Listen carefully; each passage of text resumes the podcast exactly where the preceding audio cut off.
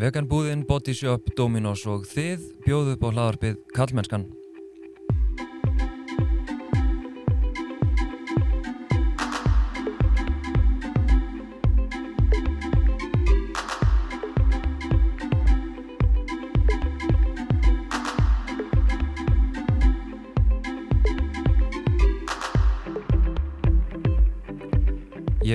Þorstein Maff Einarsson og sé einnig um samfélagsmiðlinn Kallmennskan á Instagram og Facebook og kallmennskan.is þar sem þú getur meðal annars gæst bakkjarl með mánadarlegum styrtar greiðslum.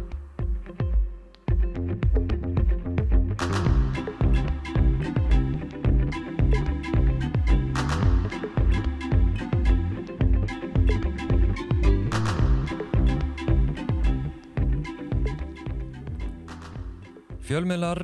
bladamenn og reittstjórar fá regla yfir sig harða gaggrinni, ímist frá valda fólki sem mislíkar umfjöllun þeirra eða frá valda litlu fólki sem mislíkar skort á umfjöllunum tiltekin málefni. Þessa gaggrinni þekkja reittstjórar stundarinnar vel enda hafa þau þurft að þóla lögban á umfjöllun sína og þurft reglulega að standa fyrir máli sínu fyrir domstólum. Yngibjörg Dögg Kjartansdóttir og Jón Trösti Reynisson hafa áratuga reynslu af bladamennsku og eru stopnendur stundarinnar. En stundin var stopnuð árið 2015 af fyrrum fjölmiðlafólki hjá DFF eftir fjandsamlega yfirtöku á miðlunum vegna umfjallana eins og stendur á VF stundarinnar. Markmið þessa þáttar og spjalls er að öðlast einsýn í reynslu og störf já, reittstjórastundarinnar og, og já, fyrirverandi reittstjórastundarinnar velta upp fyrirbærinu hlutleysi í frétta umfjöllunum og, og valdi eða valdleysi fjölmiðla og, og blada manna Ingi Björgdögg og Jón Tröst eru mætt í stúdióið, velkomin bæðið tvö. Takk. Takk Byrjum kannski á því sem að svona, ber hæst eh, Uh, já núna út frá ykkar umfjöllun það er afsögn formans S.A.A. í kjölfar uh, umfjöllunur ykkar um vændiskaup hans. Sko ég bara fóriðin svona almennt. Hvernig, hvernig tilfinning er það að vera með svona fréttaefni í höndunum og, og vera að taka ákvörnum að byrta eða ekki byrta um, Þetta er kannski já mann alltaf átt að segja á því að öll umfjöllun getur haft áhrif á fólk. Alveg eins og þöggun getur haft áhrif á fólk. Ég menna þú veist uh, það, það hefur bara verið rannsaka að það að halda leindarmál getur bara haft skadalega heilsufarsleg áhrif á fólk og fólk sem er að burðast með einhverja reynslu, svona slæma reynslu. Það er hérna það er ekki eins og að verða ekki fyrir áhrifum að þið við erum alltaf að tala um og höfum oft verið að tala um hvað hva áhrif það hefur að fjalla um hluti en það að fjalla ekki um hluti hefur líka áhrif. Og tala um á samfélagslegum skala. Mm -hmm. en maður er eiginlega komið svolítið að því að þú, segir sko sem er áratuga reynslu í fjölmjölum það er reyndar alveg orðið þannig sko. Þú veist ég byrja 98 uh, á síðustu öld mm á, 18 ára ég hérna, skrifaði mér að fyrstu fréttir. Og tíminn sem hérna gekk í hönd þá hefur verið alveg svakalega hérna, hvað maður að segja það hefur verið rosalega þróun fyrir, fyrir þú veist árið til dæmis 2007 þá voru við tvö að vinna saman á tímaritt sem hétt uh, Ísafald og vorum með í höndunum upplýsingar um að á nektardanstaðnum Goldfinger uh, ættsist að já, við fjöldum um bara aðstæður hérna, dansarna sem voru að vinna þar flutt, sem voru fluttar frá uh, yfirleitt Austur-Európu voru í skamman tíma. Breyna þeirra á tekin af þeim og byggu í eitthvað sem saman í einu húsnaði uh, og það komi sögu, vændi og svo fram til göttunum um, ég menna að þetta var ekki afleðinga löst fyrir okkur að, að fjalla um aðstæðar þessara hverna við vorum með alveg, veist, fimm heimildir eða, e, á bakvið þetta. Töluðum við fólk sem sett konur sem störfið þarna. En endan niðurstaðan var svo þetta, þetta er ekki eins og í dag að við hefum verið gaggrind fyrir að fjalla ekki um þetta. Að breyka þannig að við vorum sagt uh, drein fyrir dóm af, af hérna Geira og Goldfinger hann vann málið gegn okkur ekki vegna þess að það væri eh, eitthvað tilaverðlausar ásakanir eða eitthvað þannig heldur vegna þess að við notum orðið mannsal mm. uh, sem var bara einfallega samkvæmt hérna, skilgjörningum saminnið þjóðana við vorum að beita þeirri nýju, nýju skilgreiningu samlið þjóðana á þetta tilfelli. Uh, dómarinn sem þú veist hefur maður uh, líklega verið á, á hérna, hann var á 70 eða átræðisaldri, kallmaður taldi að við hefðum í raun verið að meina þræla sala eins og þegar þrælar voru fluttir með skipum yfir allasafið og dæmdu okkur á þeim fórsendum uh, hæstiréttur komst að þeirri niðurstu að það stóð allt nema orð, orðnótkunin mannsal þannig að það sem gerist er að, er að hérna, meðarlegfræðingur Vilhelm Viljarsson maður það örgulega rétt. Hann sendi bara heilan haug af, af hérna, staðhæfingum þar sem hann segir að við sem að, að séum með, með því þannig að við eh, förum fyrir dóm og það er bara verið að tjekka hérna, hver setning fyrir sig eh, er hægt að hanga á þessu eða þessu, eða þessu, eða þessu. Þannig að hvert einasta orð skipti máli. Og maður var alltaf tilbúin þú veist að einhvern veginn að þurfa að mæta fyrir dóm Mm. uh, alltaf uh, bara það að miðla sögu fólks. Mm og, og það líka bara held að ó, svona umfjöldun var óumdild í dag og það var í rauninni held ég við erum ekki dæmd í dag. En það kom uh, það hérna setna að, að aðri fjölmjöramenn sem hefðu tekið viðtöl við setna við fólk sem vann á þessum st- stöðum uh, þeir fóru fyrir töfni með meðramálum fóru fyrir mannlættu dómstól Evrópu og unnið þau mál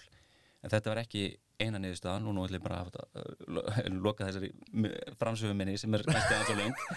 uh, því að uh, það sem gerðist var að, að við vorum alltaf fjallað þarna líka um tengsl inn í stjórnmál og að tiltekinn bæjastjóri í tiltekinn bæjafélagi væri á þessum tiltekna uh, stripstað tíðu gestur. Um, byrtu ljósmynd óviðfengilegt og þetta var þannig. Hann átti vinn sem átti uh, næstæstu ma keðju matvöruverslana á Íslandi. Sá vinnu tók ákvörðun um um að ekki skildi framar vera selt þetta tímaritt og sagt þa- þarna bara og lausasala var bara stór hluti af okkar eh, af, af sagt tekju uh, líkani hérna, fjölmiðlisins Mm. um það eitt, eitt þriðja tekjum. Þannig að þetta kipti bara stóðanum undan rekstrinum. Þannig að þarna að því að þú ef þú ert að velta fyrir valdi hann er ekki með stjórnmálavald, hann er ekki með viðskiptavald eh, dómsvaldið og, og hérna allt saman og einhvern veginn endur við því að, að það átt að gera fjárnám í okkar eigum að því að fjölmjölubyrjtæki sem við unnum hjá var ekki alveg nóg burður til þess að uh, standa undir uh, dóms, uh, málskostnaðinum uh, eða va- var lengi að taka við sér í, í greiðslum og svo leiðist þetta er komið beint inn í bara þú veist, uh, líf þitt og húsnæði þitt og uh, allt, allt saman. Shit, sko hva, hvað árið er þetta? Þú sagði þetta var í hvað Ísafald 2007, 2008 og var það tímaritið tímaritið Ísafald því var loka eftir þetta. Því að loka eftir þetta? Út af þessu. Og er, hérna, byrjuðu þið þar að vinna saman eða? Byrjum að vinna saman á mannlífi 2006 Já, fórum svo þaðan til að stopna tímarit í Ísaföld. Já þið stopnuðu Ísafald Við stopnum í Ísaföld og vorum þar þangað til að hérna, það dó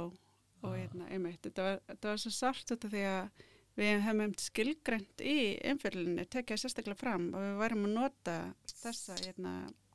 tólkun á orðinu mannsal mm. og það var ekki tekið til til þess í domnum að heldur var í, í domsorði vísað í íslenska orðabók þannig að hérna, Mm. það var svolítið sart sko. þannig að það er spyrið hérna, hvernig líður mann líður bara alls konar En náttúrulega líka það að segja ekkert og gera ekkert, það ert ofta að gera bara alveg helling. Já, sannlega, en, en sko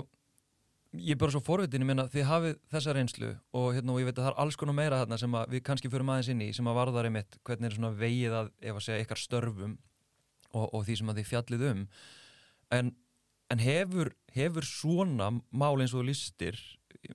hefur þetta engin áhrif á eins og til dæmis þegar þú ekki börg er skráð fyrir hérna frétt núna um, um formann S.O.A. sem að reyndar, þú veist, já hann er bara einhvern veginn fer og þú veist það er engin einhvern veginn að ráðast á ykkur fyrir þessa umfjöllun en, en við þekkjum alveg dæmi þess það sem er ráðast að blaðafólki fyrir að fjalla um eitthvað og þið með tekkið það af einn raun eins og þú varst að lýsa hefur þetta samt engin áhrif svona einmitt, að því ég spurði sko hvað tilfinning er þetta að hafa fréttaefni í höndunum og þeir eru að taka ákvörðum að byrta eða byrta ekki og, og með þessa reynslu hefur þetta ef að segja hvaða áhrif hefur þessi reynsla þegar þú ert að ákveða? Já, ég held að maður verður samt alltaf að halda áfram og ef við ætlum að láta svona mál stöðva okkur í að byrta umfjöldin sem við metum eigi erindi til almennings, þá verður við bara hætta að vinna við fjölmjöla af því að hérna, ef við tristum okkur ekki lengur til að fara fram með mála því að við hefum einhvern veginn svona persónulegan óta eða, eða þú veist okkur líður illa með að fara fram með eitthvað e,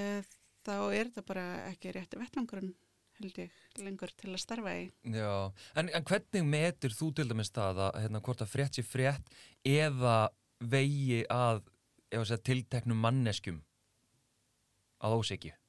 Að ósegju? Já, eða þú veist, að það sé að ætti að vera að fjalla um þetta, veist, hef ég nóg í höndunum, er þetta, þú veist, Það er náttúrulega bara svona ákveðan boks sem þarfst að tekja í. Þau þarf náttúrulega bara að vera með hérna, þú veist, einhverja tilvísin í samfélagslega umræðu, þú þarf að vera að varpa ljósa á eitthvað sem hefur ekki komið fram áður, þú komið með einhverja eina, þú veist, e, einhverja nýja vingla, þú veist, það þarf að vera einhver tilgangur með umfjöllinni, þú veist, uh, oft er þetta bara spurningum að veita fólki sem hefur verið einhvern veginn uh, brotið á eða jáðsett eða haft, hérna, lítið rými þú veist til að tjá sig eða aðrun sig að veita því hérna vettvang eða rödd eða eitthvað. Mm. og þá, þá er það þú veist bara hérna augljóst uh, þetta með hvort maður sé að fara fram með eitthvað ósækju ég held að það er bara reynsla sko. Þú veist hvað er fréttnæmt og hvað er ekki og það er kannski svolítið já. Einlega til að horfa er bara þú veist, að horfa á í rauninu sem, sem innri og ytri uh, hluta þar að segja innri hlutin var þá bara eh, hvað heimildir hefur ertu með eina eh, frásögt frá einni mannesku og enga skriflegar heimildir en eitt þannig? Eða ertu með þrjár manneskjur að segja sömu sögu af sama aðela sem í raun þetta stiðu hvort hana og síðan þetta ytra uh, sem að horfir á er, er bara veist, er þetta manneskja sem er í valdastöð valdastöðu? Mm. er þessi manneskja í umboði uh, okkar hinna í þessari stöðu þú veist, er þetta, þetta félagsamtök eins og þess að félagsamtök sem eru í okkar umboði allra að vinna eitthvað starf og skulda okkur skýringar. Eða er þetta bara, þú veist, er þetta þú veist, framferði er alltaf afstætt við uh, hvað maður segja, bara tengsl fólksins, það er ekki, það er ekki að sama hvort þú ert í valdastöðuga hvort einhverjum eða ekki, en það sjáum við líka bara á öllu þessum umfjöllunum meira að minna. Þetta er yfirleitt einhver sem hefur uh, það, það, þeir sem hefur að fjallum uh, síðslið ár þetta er yfirleitt einhver sem er í ákvæmlega annarkvært í bara áhrifastöðu sem hvað maður að segja, bara fyrirmyndir gagvart ungu fólki uh, sem kynna sig og, marka setja sjálfa sig sem eitthvað uh, eða bara reyni reyni valdastöðu bara sem uh, stjórnendur í, í fyrirtækjum eða Mm. segjum bara, þa það er líka áhugaverð vingill þetta með að, að hérna, menn sem eru uh, eins og í, í þessu máli Vítalíu sem eru kannski starfa í fyrirtækjum sem eru í rauninni okkar eigu uh, þar að segja lífeyrisjóðun eiga meir hluta eða stóran hluta af, af fyrirtækjunum þá í rauninni þú veist, þú ert kom, svolítið komin í aðra, aðra stöðu. Þú ert, með, þú ert með fólki í okkar umbúði En þú getur náttúrulega líka haft vald gagvart einstaklingum að þess að hafa eitthvað svona formlegt valdi í samfélaginu og þú getur misnöta það vald. Og við fjöllum alveg um slíkmál líka bara eins og hérna, upprist æramáli þú veist það sem að við vorum að segja frá manni sem hafi verið að misnöta dóttu sína þú veist og við náttúrulega hérna, eða stjúpdóttu sína. Um, áraræðir og fekk svo upprist æru og ég meina við erum hérna að segja frá uh, sögur ungra stúlna sem að alast upp á heimil hjá dæmtum barnaneyingi sem að brýtur svo á þeim. Og, hérna, og það er ekki eins og brúðist við eftir að fyrsta barnaheimilin segir frá, þú veist, þá fer það eitt út af heimilinu, hinbörnin eru þar áfram þangar til þau segir líka frá. Veist, og svo náttúrulega líka bara hérna, valdi vinahópum þú veist það sem að kannski er þólandi hérna, röklast út úr hérna, sínu nærangverfi þú veist, eða er einhver meginn svona þarf að líða einhverja hérna, þú veist, einhverja kvalir vegna þess að hún hefur verið beitt ábeldi eða hann, þú veist. Þannig að þú veist, hérna val getur byrst svo víða og þú veist, já. Þannig að þetta er ekki alltaf spurning bara um það að við sem að fjallum svona formlega valdafa í samfélaginu Mhm. heldur erum við bara líka að reyna að taka fólk sem að hérna, hefur verið brota og veita þeim vettvang til þess að tjá sig Mhm. og þá er það einmitt þess að Jóndristu var að segja þú veist, það er bara svona ákveðin viðmið sem eru í, þú veist, blaðamennska er fag þú veist, það er ákveðin viðmið sem þú þarft að hérna, hafa áður en fyrir fram með einhver mál þú veist, þú þarft að vera með heimildir, þú veist, þú þarft að reyna, reyna þú þarft að sannreina frásögnuna með einhverjum hætti og þú veist, það er marga leiði til að gera það. Við vorum að tala um þess að erfi viðkomum mál þar sem er engin vitni eða neitt þannig. Það voru aðra leiðir sem þú reynir að fara þú veist, þú reynir að hafa samband við fólk í, hérna, í, sem að e, hefur kannski séð eitthvað í aðdragandanum eða eftirmálanum eða eitthvað þannig reynir að, að hafa samband við eitthvað sérfræðingar sem hafa verið að vinna með reynslu viðkomandi eða þú veist, þú reynir að fá gögn ef þetta hefur farið hérna, einhvern þannig farveg og þú veist, það er svo marg, margt sem við erum að gera til að reyna sannreina frásagnir einstaklinga og einmitt ég sá einhverja gaggrin á það um daginn að hérna, fjölmjölar var ekki beint að veita fólki einhver drottninga við til og ég held að það sé gott, ég held að það sé jákvæmt, ég held að það sé jákvæmt fyrir fólk sem er komið fram með erfiða viðkoma reynslu að það standi ekki eitt uh, með það að því að þú veist, einmitt bakslægi getur verið alls konar, að það beinst ekki alltaf bara blaðamenn, en það getur líka beinst, beinst að hérna, viðmælundum og það er miklu betra að það sé búið að undirbyggja frásögnuna vel og við stöndum bara mjög sterk fyrir og það stendur viðkomandi líka mjög sterkur fyrir þegar þetta er komið út og við myndir henni svara því sem að hérna fyrirfram Mm. sem geti verið nota til að ráðast á hann. En mér langar að tengja að því að þú nefnir hérna Jóndristi Vítalíu og þú ert svona út að lýsa veist, ég get alveg sett þetta sem þú ert að lýsa núna Ingi Björg sko, á í hennar frásögn að því að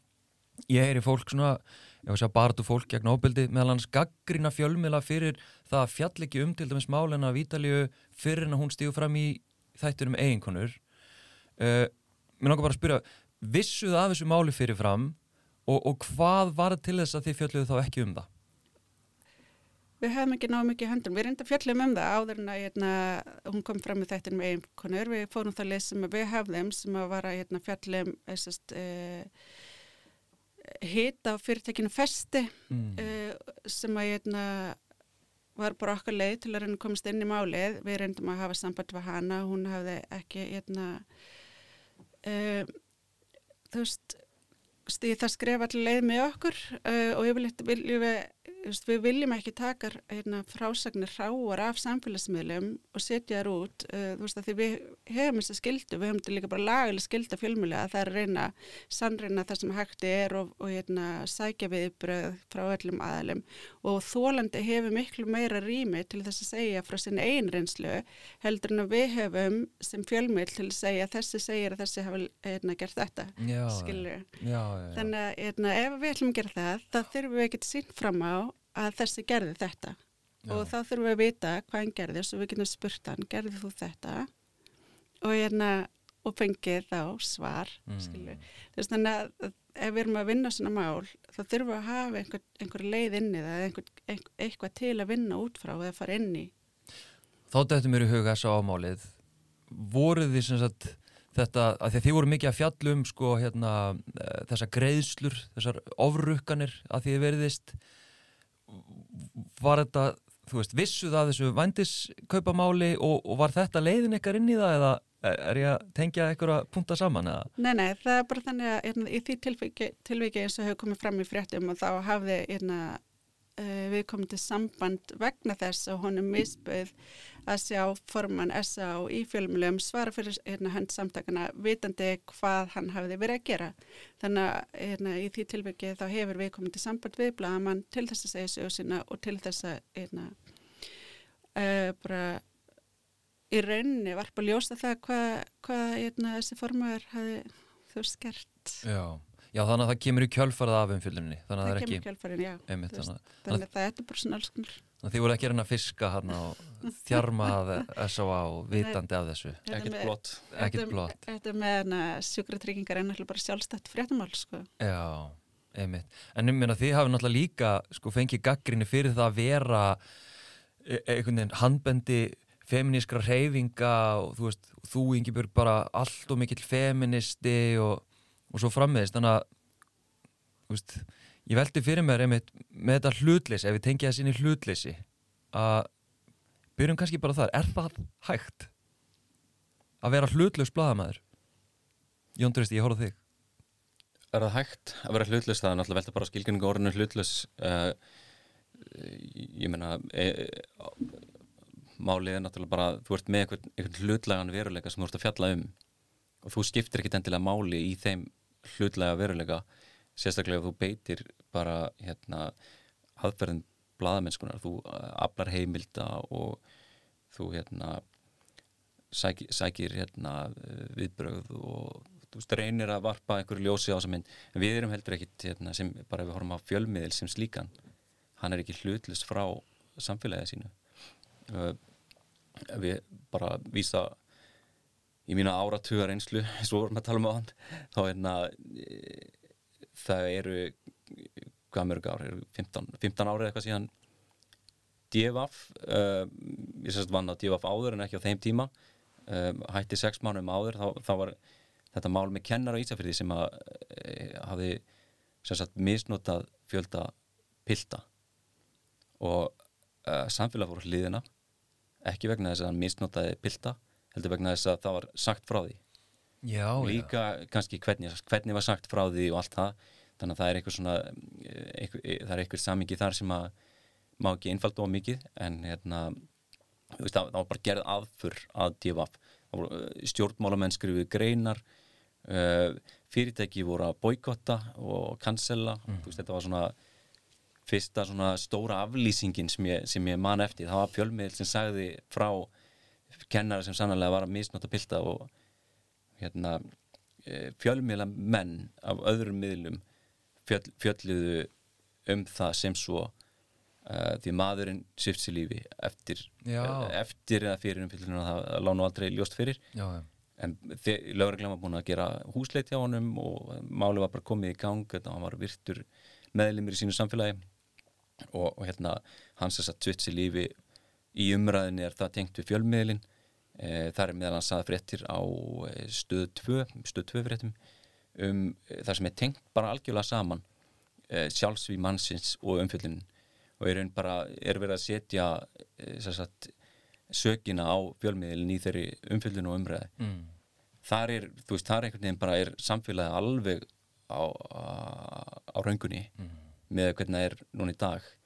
þannig að þú veist, samfélagi er ekki heldur lutlust Þetta var náttúrulega ótrúlega sart fyrir líka þess að drengi sem hafi verið misnuta af því þarna þegar samfélagi rísi upp gegn fjölmjölinum Mm. þá upplifið þeir þeir náttúrulega líka gagvart sér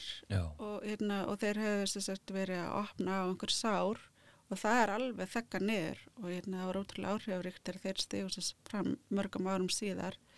og lísti því hvað þessi mikla reyði yfir því að átti að hérna, afhjúpa mannin hafði hérna, ofsalega miklar afleðingar á þá. Mm. og hérna, ég man eftir einmitt að þá var ég komin að DFF en nokkrum árum síðar uh, þegar málið fór aftur uh, inn í umræðina og þá man ég eftir að einna, annar þeirra hann kom inn að DFF og bara einna, satar og ég settist hjá hann og við sátum bara hérna í smá stund uh, lengi og það var bara svona sem að vera svona að reyna að finna einhver sátt eða einhver, einhvern frið eða eitthvað, það var ofslega fallegt svo stóðum upp og ég held aðeins utan mann Mm. og hérna að það hefur verið svo rosalega mikill sársaki sem Mm. þetta mál allir Mm. þessi strákum sko og það má náttúrulega líka ekki gleyma því að þú veist að þarna voru undir þú veist brotnir einstaklingar þarna þú veist alveg saman hvernig fjölmiðlinn hafði þú veist gengið fram þú veist eh, hvort að fyrirsegnin hafi verið nógu fáuð eða hvernig sem það var það voru undir voru brotnir einstaklingar og þeir lendu algjörlega bara undir þessi flóði allir Já, einmitt. Svo er náttúrulega bara hægt að skilgrina eins og við skilgrinum hlutleysi. Við skilgrinum það bara svolítið hart sem formlegt hlutleysi. Þar að segja að við erum bara með fjölmjölafyrirtæki sem er í dreifðri eignaraðild þá á engin meir en 12% í því við erum ekki með einhverja hagsmunablokkir ráðandi í fjöl, fjölmjölunum uh, við kan bara, bara aðeins opna augun og horta á veruleika okkar að, að hérna, það eru auðmenn að niðurgreða fjölmila á laun veist, DFF var bara í tvö ár niðurgreitt leynilega af Björgóli Tór Björgólsinni auðmanni um miljard króna um það bil. Og fyrirvændi fórmaði sjálfstæðisflokksins hann er eittstjóri á morgunblæðinu sem hefur verið niðugreitt af, af hérna, stærsta hagsmuna á hópi landsins útgerinni. Um, um rúmlega 2 millir á, á undanförnum árum. Þannig að, þannig að þú veist hlutleysi eh, þú veist, auðvitað hefur einhver áhrif. Um að þú lest morgunblæði þá eru einstaklingar sem eru að vinna sem bladamenn og eru að gera það af heilindum en þú sér alveg hérna, þú veist, þú sér alveg ummerkin sér alveg staksteinana og leiðarana og, og hvernig um, hlut um, hvað segja bara, þessi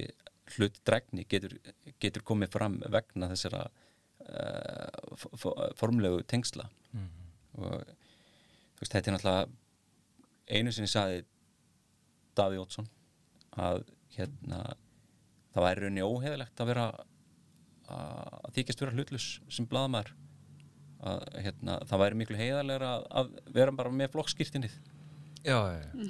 og þú veist, þá er einhvern veginn heimurinn aftur komin orðin öfugur þú veist, ég menna og nú er þetta kannski að tala meira um stjórnmál og, þjó, og, og þannig þjóðfélagsmál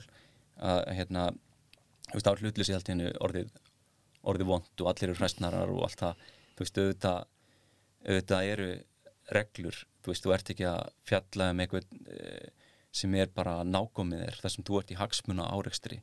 þú ert ekki að taka, taka þannig um fjallanir mm. sem bladamæður mm -hmm. En þú veist, að því að þú lístir að hann allar að bæta einhverju við Engibjörg Já, ég ætla bara að segja, við, okkar ansar við þessu var náttúrulega bara að fara í hérna, til dæmis uh, fjármagnun, hópfjármagnun, þar sem við fengum stuðning almennings til að geta stopna meðlinn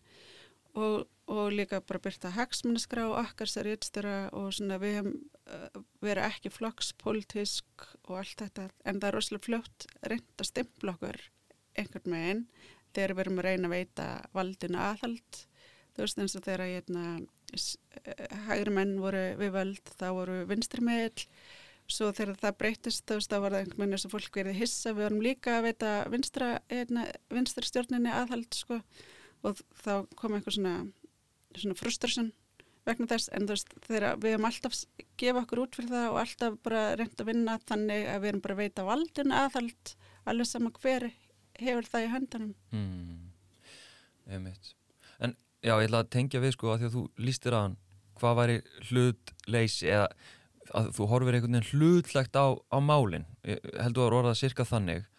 en, en það er náttúrulega líka þannig eins og svo sem síðan þið hafið skýrt að það er eitthvað ákveðið sjónarhótt þú veist, maður, maður velur sér það er ákveðin frásög sem maður velur að leggja áherslu á í einhverju máli. Þannig ég er svona velta fyrir mér þú veist, ég meit hvort að hvort að bara yfir höfuð það sé hægt að fjallum eitthvað án þess að það sé eitthvað gildi eða eitthvað sjónarmið eða eitthvað sem að sé ríkjandi í frásögninu og þá frétta umfjölluninni að því að mér, og ég get alveg bara haldið áfram með að bladra eitthvað að, því að mér finnst vera munur á til dæmis því sem ég lesi á stundinni og síðan því sem ég les bara á vísi.is eða eitthvað. Já, ég menna, einlega til að horfa á þetta er bara þessi formulega leið sem ég er að tala um og, og, og veist 85% af tekjunum okkar eru er frá áskrifundum uh, við, við erum ekki niðugreitt af einhverjum, einhverjum öðmönnum eða einhverjum hópum eða eitthvað þannig tilvist miðilsins þar sé að er ekki á forsendum einhvers annars heldur en bara almennings en eh, það er, já, það er alltaf eitthvað, eitthvað sjónarhótt og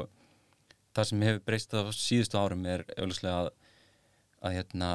með tilkomu samfélagsmiðla þá er dreifing á upplýsingum dreifing á val á sjónarhóttni mm. orðið dýnamiskara, vald dreifðara mm -hmm. það er ekki bara einhver hérna reitstjóri eða eitthvað út í bæ sem ákveður hvort að í fyrsta lagi að, að hvort að megi segja eitthvað eða hvort að það hérna, eigi að segja þessar hlið eða hinna hliðina. Um, þannig að móttækileikin er, er líka dýnamík í, í þessu og við veljum náttúrulega ekki mót, móttækileika samfélagsins. Nei, en, en sko talandu um móttækileika því að, veist ég er kannski að tengja á hrætti hérna, en sko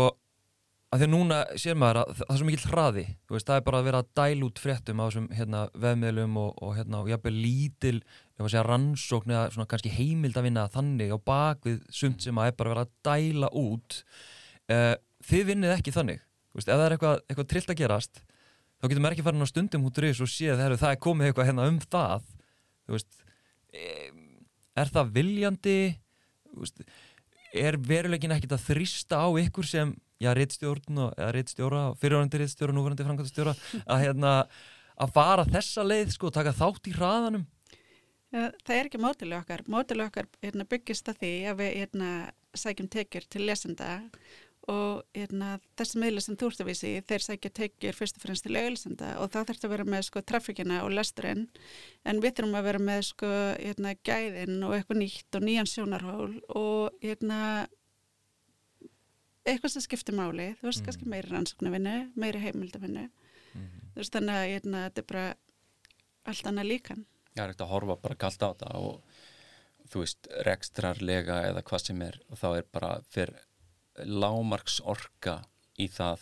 að afrita texta af Facebook sem sem flestir eru móttækilegir fyrir og búa til fyrirsögt sem hérna, dreifist mest. Það er bara, og þú sér bara sömu fréttirnar endur ómast Mhm. bara í mismunandi miðlum djafaf.is og, og þú veist mannlíf.is, ringbröð.is og, og 24.is og hvað, hvað er heita og, og, það er bara því að þú veist, tröskuldunum fyrir það að vinna fréttir er, er miklu minni heldur en að vara áður þú veist, það kostar ekki það mikið að stofna vefsíðu. Um, það kostar ekki miklu orku að, að afrita texta en þú veist, það kostar miklu orku að, að fara lengra. Þú getur ekki gert það uh, með því að lifa á auglýsingatíkjum Þessu er það náttúrulega líka bara þannig að hérna, við erum ekki niðurgreita af auðmennum, við erum ekki með eitthvað svona brjálega sjóða bak við okkur, þú veist, við hefum alltaf verið lítill með, með litla reitstjórn og við erum ekki með, til dæmis, um, aldrei, við erum eitthvað sér vefvaktir eða,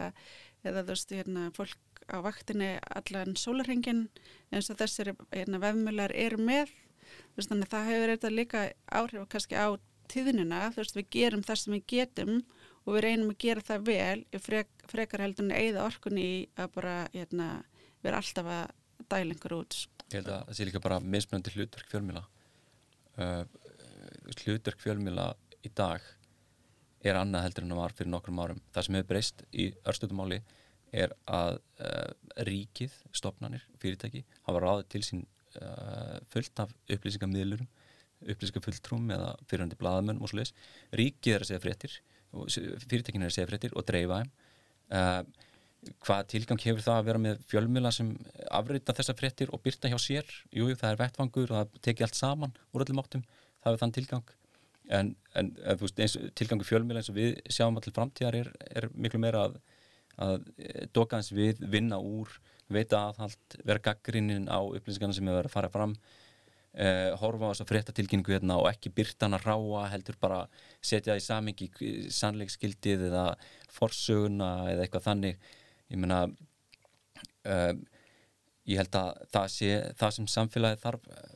meira á að halda frá okkur okkur sem erum í fjölumilum heldur en heldur en hérna hitt akkurat núna Þetta er líka bara munurinn því að vera fjölmiðl og vera samfélagsmiðl. Þú veist, Mm. mm. þegar stundum við tala um, já, nú erum við öll fjölmiðlar, hérna, við erum öll bara með okkar eigið, hérna, Facebook eða hvað sem það er, sko. En þú veist, þetta er náttúrulega bara munurinn því sem að við gerum og því sem að allir geta gert, skilur. Þú veist, að geta allir einmitt bara hengt út einhverju frásögn af einhverju Mhm. og þurfi ekki að vinna neitt, þú veist, leggja neina grunn vinnu í það eða þú veist, fara í gegnum neina heimildavinnu eða rannsóknarvinnu eða neitt. En við höfum það hlutverk og okkar skilda er að gera þetta. Já. það er bara ein ástæða fyrir því að, að stundin getur gert það og það er bara að fólk hefur þú veist, eh, með tímanum fleiri og fleiri valið að gerast áskrifundur og þá einhvern veginn breyt, eh, verður eh, hvað maður að segja, lífkerfið þannig að þú veist, fjölmiðlinn bara þrýfst á, á því að lifa fórsöndum almennings það er alveg hægt að hugsa sér að sé einhver fjölmiðl sem er bara það er einhver velviljaður auðmaður sem bara eins og Washington Post eða eitthvað uh, sem, sem hérna stundar rannsóknarblæðamennsku bara með fjármagn frá einhverjum óháð hvað, hver það er og, og það er bara einhver eldvekkur á milli og, og þú veist ég sé það ekki alveg sem sjálfbært fyrirkomulag ég sé, sé hitt sem sjálfbæra Já, en, en svo veist, held ég líka bara munun hjá okkur er að og flestum öðrum fjölmiðlum er að við, ef við horfum á þetta frá hinum endanum þá erum við að stopna, við stopnum fjölmiðil uh, að hluta til á forsendum blaðamanna. Þegar við erum náttúrulega blaðamenn við erum ekki, viðstu, við erum ekki ykkur aðtapnamenn að stopna fjölmiðil. Við, við vildum búa til miðil þar sem að fólk sem starfa sem blaðamenn getur haft tíma og svigurum til þess að gera eitthvað sem skiptir máli og er, er eitthvað meira heldur en heldur en þú veist að við sitja við, við færiband að miðla uh, upplýsingum hlutlust erum líka bara, við viljum líka stopna með þar sem við getum eitt skjól af því við hefum, þú veist, uh, sjálf svo mikla reynslu af því að vera þögguð. Bara Ísaföldardæmi var kannski fyrsta dæmið sem vera svona alvarlegt allavega í minni fjölmjölusögu en svo hafa komið alls konar aðrar einna, leiðir til að þakka neyri blæðamennum og umhverju stundarinnar byggir algjörlega á þeirri reynslu sem við höfum hérna, byggt upp á þessum tíma og miður að því að veita blagamennum sem mest skjól gagvart því að þeir sé að þú geti unnið gaggrinnar umfjöllunar án þess að lendi einhverjum vandræðum vegna þess. Mhm. En, einmitt, þið hafið svo skýra stefnu hérna og náttúrulega, einmitt, sprettu kannski upp úr þessari bitur reynslu af yfirtökunni á DFF, skiluru, og, og, og allt þetta og þá er eitthvað eitthvað svona template sem þið búið til um eignarhald og, og, reittstjórn og annað uh, en síðan er bara síðan er bara hérna, hvað maður að segja samfélagið þróast og breytast og ákall eftir, minna, það er einhver ástæðan fyrir því að hverju frétta hérna, flutningurinn er eins og hann er og hvers svona fjölmiðla geta selt auglýsingar svona mikið og æfættiði þannig að ég er að velta því fyrir mér, sko, er þetta framtíðin ykkar, ykkar template fyrir fjölmiðil og fjölmiðlun veist, er það framtíðin? Eh, eða er, er, er stundin að fara að missa framtíðinni? Þú veist, er eftirspurn eftir ykkar stöfi haldið þið svona í framtíðinni? Ég við trúum á það, þess vegna hver við þessa leið, að við trúum að þetta sé heilbreykt og eðlilegt uh, hérna,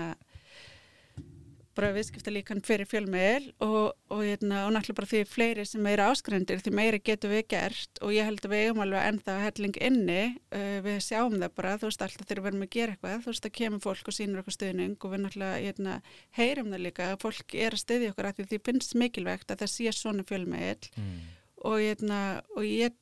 trúi því, þú veist náttúrulega ef að þú ert að reyka fjölmjöl sem er hérna, að forsendum markaðarins,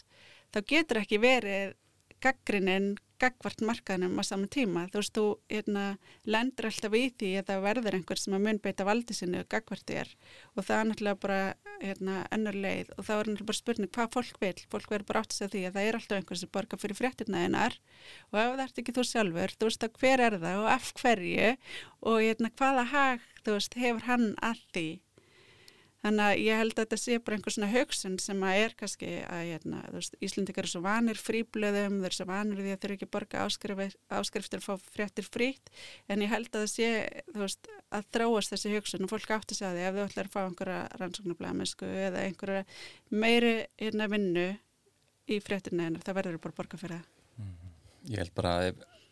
ef við getum látið þetta ganga núna þegar við erum í hérna, virkilega óheilbriðu samkeppnisumgöru ef maður á að fara að horfa á þannig. Þar sem við verðum að niðurgreða samkeppnina ef við viljum vera að tala um samkeppni. Samkeppniseflitið lítið hefur vara við þessu, en já. Já, og ef við getum látið það ganga núna þá hljóttum við geta látið það ganga þegar, þegar eða kannski ef hérna, eh, einhverjir auður hagsmunnaðalar gefast upp á því að setja þetta litla brot af, af arði sínum í, í að reyka fjölmila Já. en ef við horfum bara á þú veist, horfum bara á bandaríkin uh, New York Times er að ganga upp sem áskriftammiðl hver hafði trúið því fyrir einhverjum þú veist, 20 árum eða eitthvað þannig? Það var bara þeim spáð í rauninni einhverju stöðugufalli Mm. en, en það er líka bara þú veist, að verða svona viðmiða breytingar í samfélaginu. Í bandaríkinum var það svolítið hérna, Trump. Mm. hjá okkur var það bæði, þú veist, MeToo-bylgjanuna og bylgjurnar og náttúrulega efnaðsrunni þar sem fólk átt að segja á því að, að hérna, það væri kannski ekki æskilegt að, að fjölmjöla væri bara reknir af og í eigu auðmanna og hagsmunnaðala sem einhvers konar leikveng þeirra En sko við sjáum þetta eftir á, þú veist. Það er eins og þegar við skoðum hrunið, þá svona horfum við eftir að já, það voru nú hérna alls konar blikur á lofti og alls konar sem við gátum sé og við fyrir að tala um það eftir á. En fólk sem var kannski að tala um það fyrirfram, þann hérna fekk enga áheyrn og var jafnvel talið klikkað, uh, alls konar til dæmis bara í, fyrir MeToo-byltingunum, en að konur voru búin að tala um ofbeldi og, og viðbjóð í ára tugi, var bara ekki Já. hlustað á það, uh, eignarhald á fjölmjölum, þú veist, við erum að tala um svona alls konar áhættur samfélagslegar í rauninni uh, ég er að velta fyrir mig tengt þessu svona kannski rétt að lokum en með svo sem alveg bladra eins og þið viljið um það að sko ég er að velta fyrir mér er eitthvað sem að bara við erum sofandi gagvart, ég er að tala um bara jafnvel globally eða á Íslandi eitthvað sem að við erum ekki að veita nógu mikla aðtikli sem að þið sjáðu fyrir ykkur að við munum einn daginn bara hei, þetta sétti búið í gangi inn í svolítinn tíma og við bara vorum ekki að taka eftir því. Og eins líka er velta fyrir mér bara uh, ógnunum sem steðja að já, til dæmis fjölmiðlum. Þetta er svona tvær mjög litla spurningar fyrir ykkur að lokum Já, ógnir framtíðar. Eða, Það sem við munum sjá eftir á. Já, ég meina það, það er bara stór spurning um samfélagi allt. Ef, við- tölum, tölum bara um fjölmila þá, þá veist, mér hefur bara liðið bara stundum eins og ég sé bara vakna upp að einhverjum draumi þegar ég horfa á fjölmila landslæðið uh, bara hvað, hvaða er orðið normaliserað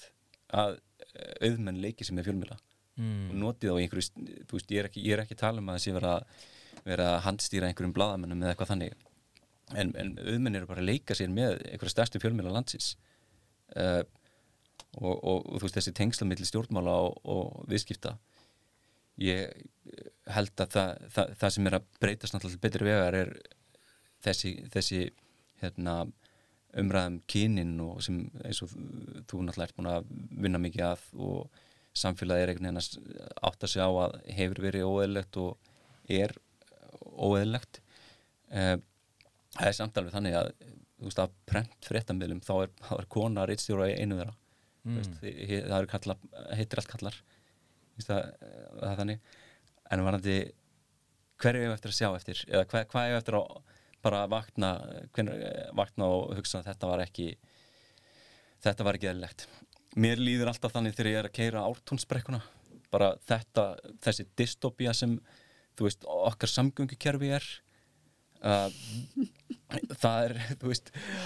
ég hef ágjörð því að við munum horfa á uh, bara hérna, neyslu okkar í víðu samengi Mm. ég held að við munum horfa á sláturhús og þú veist, öll þessi bú öll þessi, hérna allar þessar skemmur sem eru fullar af þjáningu og bara eh, já, ég veit ekki hvar ég á að hætta sko en, en ég held að þetta Bara- er ekki búið, við erum ekki orðin fullkomin að það Nei, það var alls konar hana Ingibjörg, hva, hverjar eru hætturnar sem að hérna, ég steðja að fjölmjölum og, og, og hvað svona hvaða ógnir nei, hvað hérna einmitt, hvað munum við sjá eftir á? Bara herru, shit, við hefum nú kannski átt að veita þessu hérna meiri aðtekli Ég held að það sé bara ótrúlega margt sem að eftir að koma ljós að, þú veist, að vera, ég meina mér finnst við bara ennþá að vera að búa dálítið illa til dæmis fólki sem að glými við geðsjúkdóma og andli veikindi og, hérna, og sérstaklega föngum með geðsjúkdóma þú veist, það er alveg ótrúlegt að hérna, þeir séu vistar í einhverju úrræði sem, veist, á stað sem hefur engin úrræði til að við það. Og þú veist, maður getur nefnt alls konar málefni sem manni finnst vera hérna einhvern veginn ennþá daldi, þú veist, liggja daldi látt sko, eða þú veist, og þurfi þú veist, þar sem þarf einhverju meiri rist og ég er alveg sammála með Jóntröst, þú veist, Jóntröst að varandi neysluna, þú veist, við erum alltaf bara brjálaslega mikil neyslu þjóð og hérna bara á allt, þú veist, og kaupum, kaupum, kaupum. Og ég held að það sé alveg eitthvað sem að hérna, hérna við munum þurfa að har- harfast augu við bara hérna það hvernig við umgangust hérna umhverfið og heiminn og landið okkar, þú veist, ég veit ekki, þetta er bara eitthvað sem maður getur tala endalast um held ég. Já, ég minnst bara áverð að fá svona ykkar sjónur þarna því að, minn er það ekki oft fjölmjölu fólk að blaðamenn sem að svona draga upp eitthvað sem við höfum verið með lokuð augum fyrir, svona tróða í andlita okkur og, og hérna þannig að mér finnst áhört að reyna að Já, skiknast við erum ofta að reyna það og svo er bara spurning hvort fólk tekur á mótið því eða ekki. algjörlega Ég meina þú veist, við erum til dæmis búin að vera að fjalla um þessi ofbildsmál bara núna í 15 ári eða hvað er það? Ég veit ekki. mm. Þú veist, þessu verður bara þegar samfélagi tekur við sér sem þetta fyrir meira flög, skilju. og ég held að bara til fjölmina þá, þú veist, þá við þurfum að horfa svolítið vera svolítið meðvitið, svolítið gaggrinnin að horfa á þó að þetta sé mjög góð þróun sem er eiga sér stað með að fólk sé að miðla reynslu sinni þá er hérna þá, þá, þá er varasamt að uh, fjölmina séu bara fylgtislaust að miðla hlutum. Veist, það verður að hérna, hlutverkið að, að íkunnita mál fara yfir þau, það verður að eiga sér stað og ég er ekki að, er ekki að hafa þannig áhyggjur að það er fa- farið veist, umræðan á sér stað og það er farið í gegnum hluti og eitthvað svona en við þurfum alltaf að horfa svolítið gaggrinni á, á allt sem við erum að gera Já, bara eins og núna í þessi nýjasta máli, þú veist, það er það bara viðbröðin, uh, til dæmis hjá formanni S.A.A. að fara, fyrir, en að fara sjálfur út með málið með því að setja einhverju yfirlýsingu frá sér, þú veist, oft gera stjórnmálmennindi bara á Facebook, þú veist, þar sem þeir hafa fullkomlega stjórna aðstæðan og svo taka fjölmjölunar yfirlýsinguna og hérna, jétanirinn bara hrátt upp, þú veist, það var bara allstaðar, hérna, allstaðar, hérna, fréttir af því að hann hefði sagt á sig sem formaður af því að hann hefði svarað auglýsingum vendi og eftirstandi spurningin bara já, hvað þýð það? Þú veist, hvað varst að gera þegar þú svaraðir auðlýsingum vandi? mm. Og það er enginn sem reyndi að svara því, sko. og ég held bara ef við, ef við zoomum alveg ennþá meira út þá hérna uh, hefur uh, síðust, hafa síðustu tvö ár sínt okkur að hefur ótrúlega getur gest uh, aflókanir samfélaga uh, þú veist, heimsfaraldur sem var enda fyrir síður. Uh, en það er aðri hlutir sem ef þeir gerast þá eru þeir ekkit endilega afturkræfir. Það er samþjöfnum valds og þú veist, ég held að ég held að við mættum alveg vera þó að við Íslandingar sem ekki pæla mikið í heimsmálum svona heilt yfir við mættum alveg vera svolítið meðvitið um hvað er að gerast með uh, samþjöfnum valds í Kína hvað er að gerast í Rúslandi og hvernig valda jafnfæði heimsins er að uh, breytast. Uh, þetta hérna, þó þetta sé ekki hérna, fyrir framann okkur og við sem þurfum í rauninni ekkert að vera að pæla í hverstaslíf okkar þá, þá er það ekkert uh, lítil breyting ef öflugasta ríki heims verður uh, einvaldsríki eins og Kína. Það sem þú veist bara á síðustu árum hefur fórsetinnin búin að hérna, afnema takmarkanir á, á hérna, valdatíma. Hann getur núna setið end, endalust uh, við sáum hvað gerist með Trump hvað þetta er brotætt að, að það er ekki sjálfsagt að við séum með líraði uh, og, og, og þrátt fyrir allt það góða sem getur gerst þá geta orðið atbyrðir sem bara breyta öllu þú veist og maður horfir bara á það sem er gerst í, við Úkrænu þar sem að Putin er bara stillum herlið og segir bara heyrðu, hérna, nú er ég tilbúin til að semja. Hann er bara með byssuna á þú veist, á fólki og, og, og segist vera tilbúin til að semja. Og þess að beita alls konar taktík í upplýsingammiðlun sem þú veist, í PR-mennsku til þess að dreifa aðteglinni þannig að, já, ef maður zoomar alveg út þá held ég að þú veist, það geta gerst hlutir sem við munum hérna, eftir á að higgja uh, sjá mikið eftir að hafa ekki brið, briðist við öðru sí nú er ég ekki með laustin á því hvernig við maður bregðast við. En Nei, nei. ég segi bara En valddreifing og þú veist, gaggrinn hugsun. Mhm. En er þetta ekki líka bara eitthvað sem þurfum að hafa áhyggjur af hérna íslenska samfélagi, samþeipun valds og hérna, samþeipun eðs, af því að hérna, þá að sé ekki að þessi skala sem þú ert að tala um, þá er náttúrulega þessi þróun að þeir, henni ríku verða ríkari og þeir valda, valda miklu verða, þú veist, eignast, eðlast meira vald, þú veist, það er svona einhver tilneying til þess að bara í samfélagum mm. til að þetta gerist. Mhm. við getum bara ímyndið okkur alternativ eh, veruleika ef, ef það hefði ekki orðið efnaðsvinn ef þessir auðmenn sem þá voru risu upp á nokkrum árum og náðu stjórn á svo, svona miklu ef, ef, ef þeir hérna, hefði haldið stöðu sinni haldið áfram að, að beita valdið sínu Þessi að því að, vald er eins og þingdarafl það bara, það sogar að sig meira, meira vald og við þurfum alltaf að þú veist, við höfum það allavega sem grunnhugsun líka að horfa á valddreifingu sem, sem æskilega Mhm. Valdreifing og valdeflingu. og valdeflingu fólks Einmitt. Og það er náttúrulega oftar kallar í valdastuðunum þannig að þetta er þetta er feminist mál líka að, að samþjöpunin uh, valdsins Klálega. verði ekki mikil, og mikil og, hérna, og þið ætla að veita valdinu aðhald uh, ef við súmum aðeins inn aftur á, á uh, reitstjóran Ingi Björgu uh, sko Helgi Seljan er komin til ykkar sem er, eða er að koma til ykkar sem er náttúrulega risastort bara til hamingi með það held ég að ég meði segja Já, við erum mjög gleðið með að fá hann til þessu okkur. Ég veit nú ekki nákvæmlega hvenar þessi þáttu kemur út en hérna, er eitthvað svona sem að er á döfinni hjá stundinni er eitthvað, einhver bomba á leiðinni er, hérna, er Helgi byrjaðar að uh, gramsa í samfélaginu og, og reitstjórin situr á einhverju svakalegu Við náttúrulega bara, þú veist, erum alltaf að vinna einhverju og hérna, það kemur bara ljós. en í- nei, nei, þú veist, þetta er bara, Við nei, erum nei. náttúrulega bara að vinna, bara að vinna því að e, nýta okkur fleira, fleir, fleira hvað maður að segja, að ön, önnum Miðla. form. Við erum, við erum að reyna að hugsa miðlinn óhaf formi, uh, fara kannski að vinna meira bara eins og þú ert að vinna, uh, vídeoefni og, og hérna, hljóðefni og bara uh, nýta okkur þá stöðu að við erum bara nýtt uh, fyrirtæki, við þurfum ekki að að uh, halda einhverju prentvél gangandi eða eitthvað, við gerum bara nákvæmlega það sem að hendar best til að miðla efninu. Er það að fara að hætta með prentútgáfa, er ég að skilja rétt? Nei, Nei, ég held að sé engin ástæð til að hætta, hætta með prentútgáfu. Uh, þú veist, við erum með daglega prentútgáfu í gangi hjá öðrum en Já. ég held að, ég held að það- prentútgáfan sé mjög góð uh, og það er bara gott að geta lesið prentað efni og vera ekki alltaf í skjánum Mm. en ég held að það þurfi ekki, ég held að tíðni prentútgáfana sé eitthvað sem við þurfum bara að aðlaga og setja kannski orkuna mikið í, í að vinna efni meira í, í vídjói og, Mm. og, og hljóði eins og sé. við náttúrulega njótum góðst það því að vera svona sveianlegur miðl. Já, Þú veist, við getum gert í raunin allt sem við viljum. einmitt. Og eru þá, afsakið, eru þá, þú veist, þessar breytingar sem að mér heyrst þess að vera aðeins að stiga inn í, mm Mhm. er þá ráning Helga Seljan hluti af, af einhverjum áslu breytingum eða, Þau eru náttúrulega, hérna, Helgi Seljan er komið inn með þekkingu og Aðarstedt Kjartason kom inn með líka þekkingu og Margrit Martinsdóttir var mjög lengi í hérna, bæ, hérna, bæði samvarpu útvarpi. mm. Veist þannig að þessi þekkingi er núna til staðarinn fyrirtekinu til að miðla efni með öðrum hætti, sko. Mm. Þannig að ég held að þessi bara hérna, mjög dýrmættur eiginleiki til framtíðar að geta, þú veist, fyrir fyrirtækið, að geta gert bara í rauninni það sem að þjónar efninu best hverju sinni, að vera ekki fastur við eitthvað ákveð form. Á endan er samt engin stefnubreiting, hann er náttúrulega bara frábær frétta og bladamaður og við höfum bara vilja